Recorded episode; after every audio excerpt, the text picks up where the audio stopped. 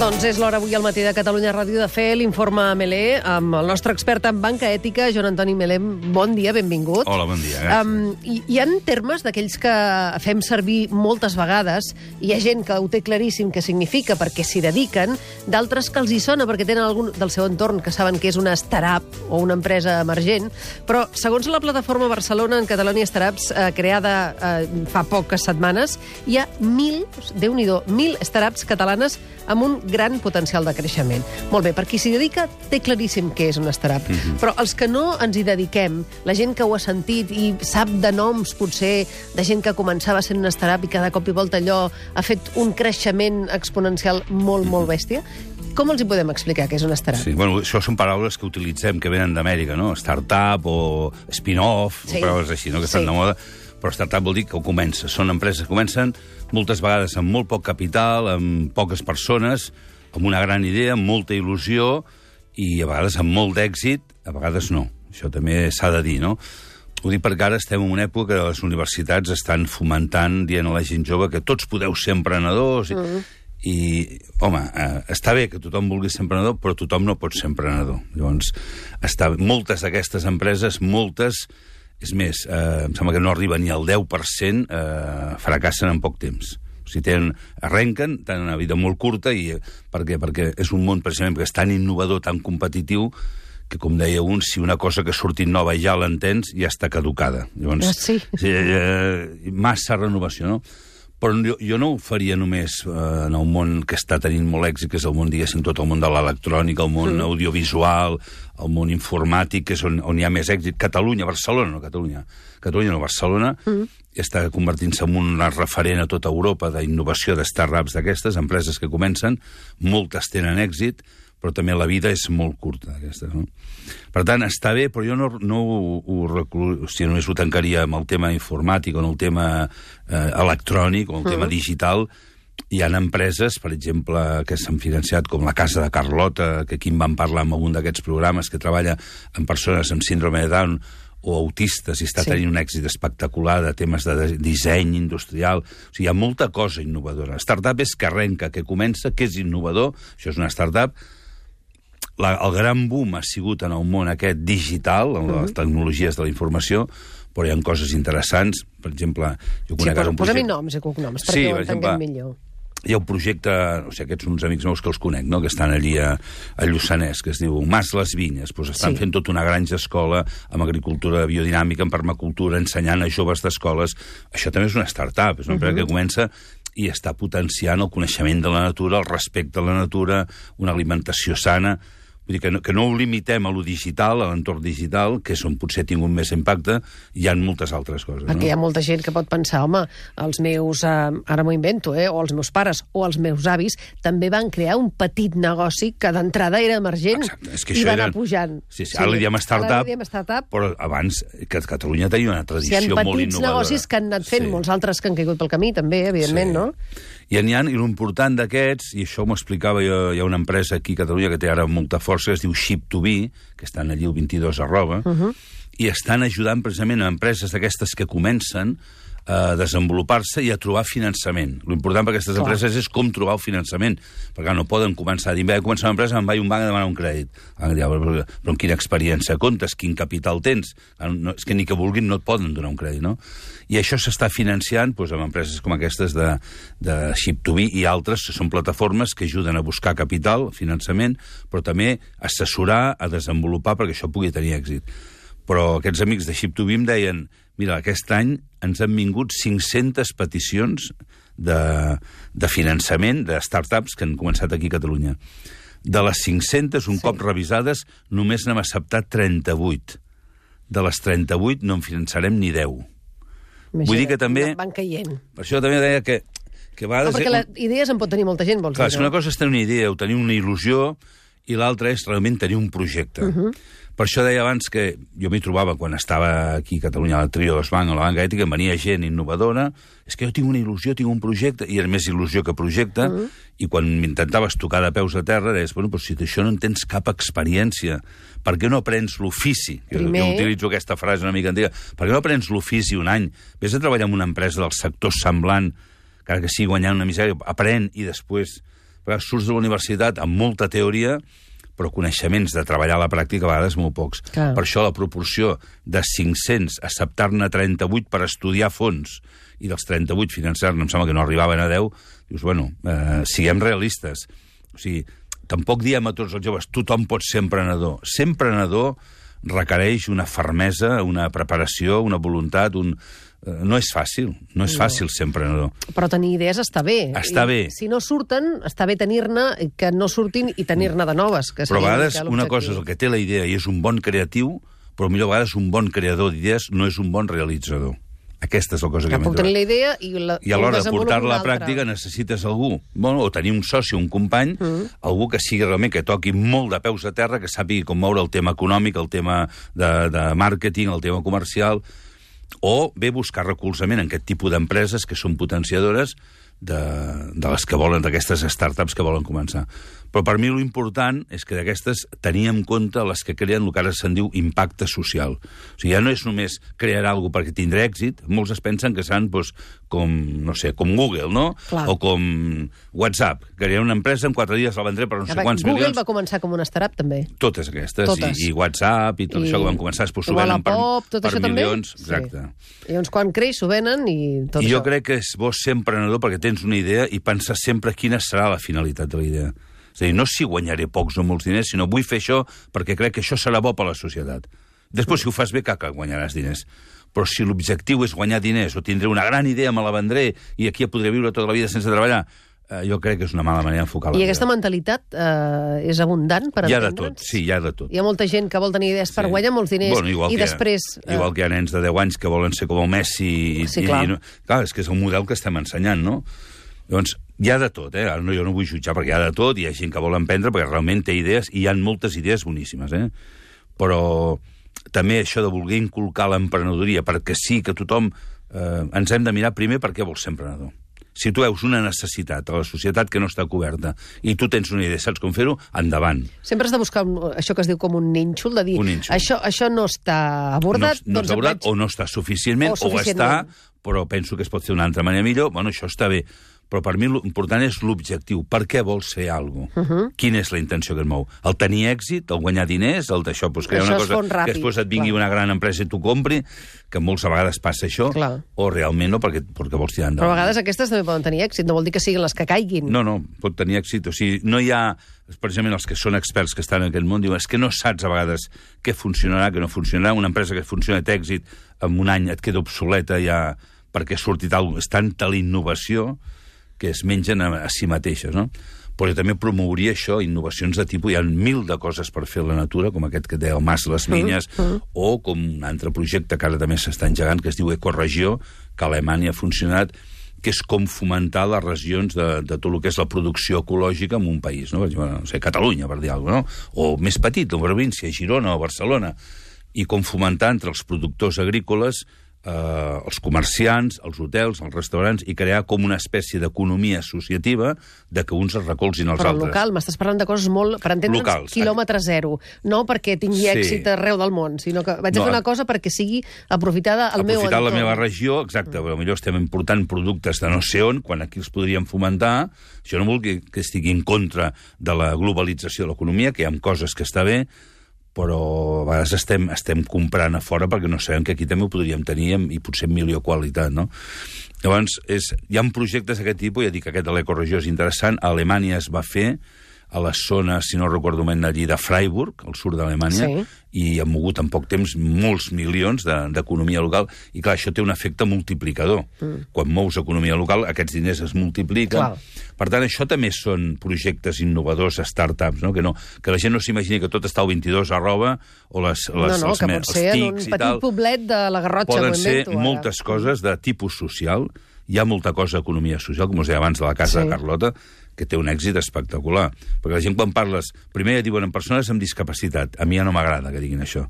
Són gent amb qualitats especials. Uh Mhm. -huh. Perquè, per exemple, aquests que fan disseny industrial amb, amb autistes i joves amb síndrome de Down van guanyar el premi de disseny. Sí. A cegues, no se sabia qui ho havia fet. I quan van pujar a buscar el premi, Van veure. es van quedar així, Van clar, els quedar- grans dissenyadors de les grans escoles de disseny... Van quedar amb un pam de nas. Ja, doncs perquè aquesta gent tenen una creativitat... Per això jo no diria amb discapacitat, sinó mm, amb necessitats diferents i amb qualitats especials, no? I hi ha molta gent en el sector social que si realment ho coneguéssim i ho fomentéssim podríem generar tota una nova economia social, igual que he dit abans, l'ecològica. No? Uh -huh. L'agricultura ecològica té un futur per créixer encara grandiós. O sigui, hem, hem de fugir de l'agricultura tradicional i els pagesos que ho han fet, i a vegades el banc els deia, és que heu de fer el salt l'economia, l'economia, l'agricultura ecològica, uh -huh. si no biodinàmica, aquesta ja és més complexa.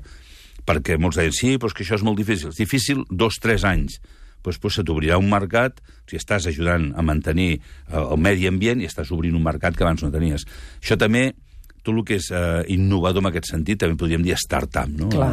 Eh, també devia ser difícil alguns altres començaments que ningú podia pensar que hi hauria un lloc que es diu Wallapop on la gent ven coses i, a més a més, segons expliquen, funciona o, o Atrapa-lo, que també devia començar de la mateixa manera i algú va considerar que no hi havia aquest servei. De cop i volta, el lloc que era una idea es va convertir en una cosa que ara és normal. Oh, això ho he trobat a Atrapa-lo, oh, això ho he, ho he comprat a través de Wallapop, no? O et diuen, no hi ha mercat. Jo, per exemple, quan vam començar la banca ètica, aquí a Catalunya, també ens deien això durareu quatre, quatre dies. dies sí. Quatre dies s'enreien. Vam obrir un mes És que de maig. canviar, canviar les coses sí. costa. Vam obrir, no recordo, el dia 2 de maig allà a la Casa de les Punges i el porter a la finca quasi s'enreia. No arribareu a Nadal.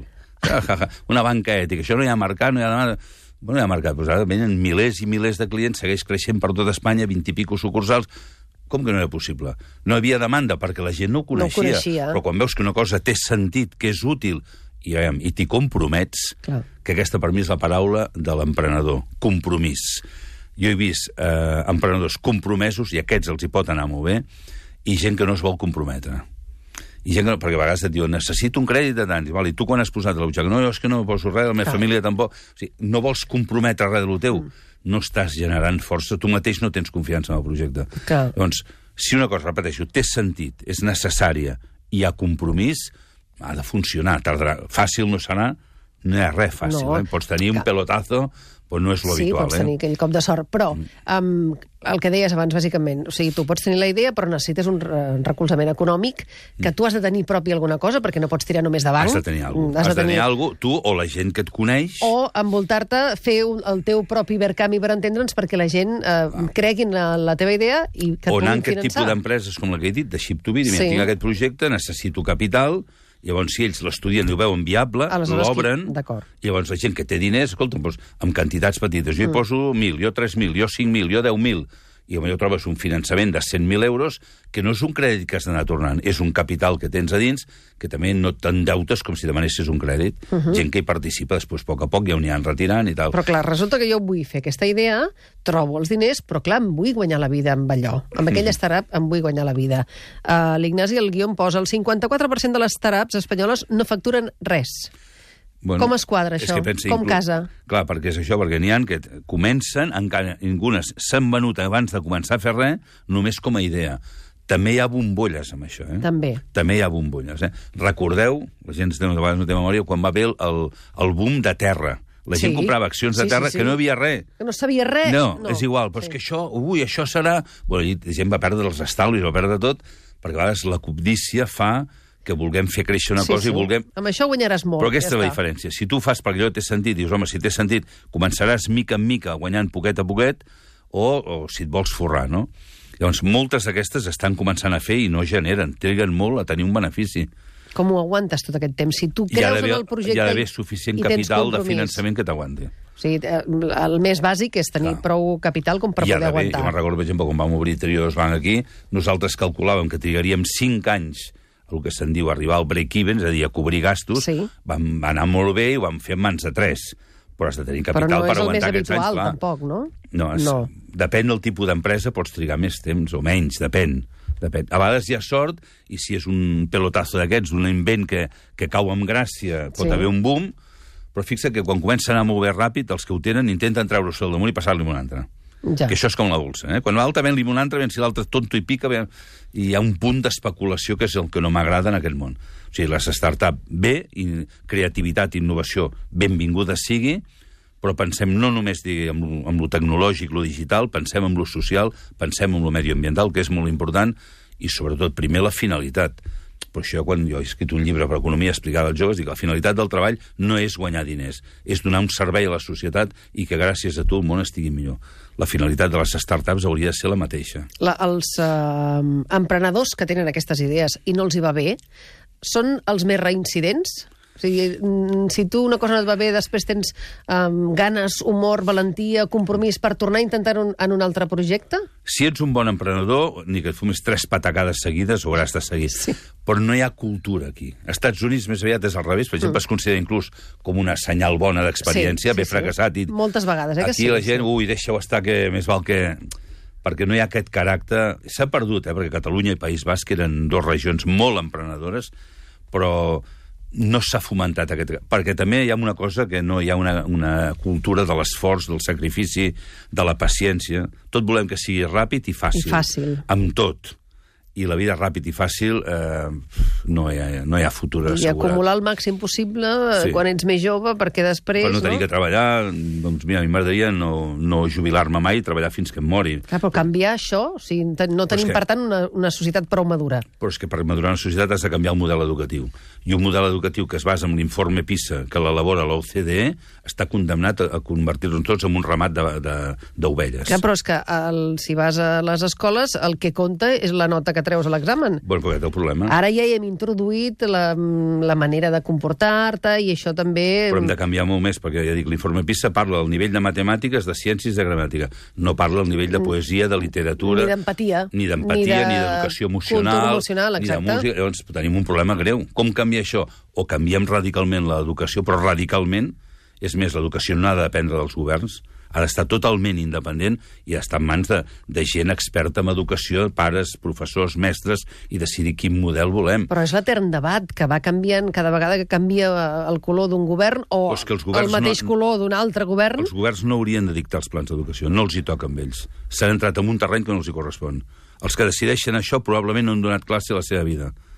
Hi ha una ingerència, ho estem acceptant perquè és el costum.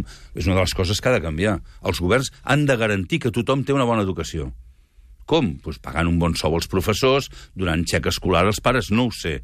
Però no han de dir els plans d'educació, perquè els van canviant, els van canviant, no funciona, i ara a sobre se'ns ha posat una organització econòmica al mig, l'OCDE, a dictar l'informe PISA. Ja tothom content perquè demà estem una mica millor. Però Espanya no té un problema greu perquè anéssim malament de matemàtiques. Té un problema de corrupció, de falta d'ètica, de valors humans. Això és el problema que hem tingut. Per això s'ha ensorrat aquest país. Llavors, no veig que l'informe PISA en parli d'això. I no podem eh, crear un startup per canviar això? O sigui, hi hauria una manera de... Bueno, hi ha, hi ha escoles... Estic fent broma, eh? Però... mm, No, sí. Hi ha, bueno, hi ha coses en aquests moments, hi ha eh? escoles, un model diferent educatiu, Sí. en aquest sentit són startups, no ho són, perquè Escola en altres 21, llocs... per exemple, coses així. Escola m'està dient? 21 no la conec massa, me l'he de conèixer millor, però jo, per exemple, conec i promoc bastant la pedagogia Waldorf, que té molt aquesta, èxit. Aquesta no veu, no la conec. Aquí n'hi ha, eh? Sí, sí, pedagogia Waldorf. Es va crear a Alemanya fa, a veure, 100 anys. I, I, en què consisteix, així per tenir Bueno, una pues, idea? uh, es, per resumir-ho molt, no és educar només els coneixements, és el que es deia aquí a Espanya, per exemple, a Catalunya, abans de la guerra, educar el cap, cor i mans. És a dir, educar el pensament, educar les emocions, educar la voluntat, però amb ordre invers. Quan el nen és petit no cal tanta educació intel·lectual, més val aprendre a fer, després educació de relacions, i final, a través, sobretot, de l'art i l'activitat artística, i finalment, a partir de l'adolescència, als 14, més èmfasis en la ciència, la filosofia i tal.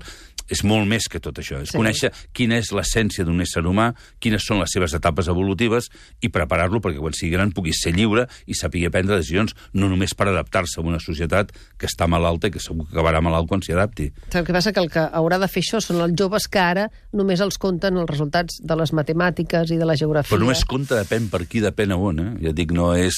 I Ens que deixem... canvia- canviar-ho tot... Ens deixem... És que s'ha de canviar radicalment. Però ens hem dient, bueno, és que això és així, això va així. Ja, però és que no va bé. Si anés bé jo no diria res. Però quan una cosa no ve, hauríem de canviar-ho i no deixar-ho en mans d'entitats econòmiques que no són les que han de decidir l'educació. Hauríem d'educar precisament per la creativitat. Sí, sí. La que, que Que la parlàvem que de startups. després però creativitat amb uns valors humans d'una preocupació pels altres. No? Sí, sí, és el que després en- ens permet això, no? Poder Ah. crear, tenir ganes i compromís, que és que, el que deia al principi, no només el, vull una cosa ara, ràpid, fàcil, i si em pot donar molts diners encara molt Ah, millor. aquest és l'error. Aquest és l'error. Uh, Joan Antoni Melé, moltes gràcies un Va, cop més. un plaer, com Que sempre. tinc una bona entrada d'any, per cert. Igualment. Adéu-siau, bon dia.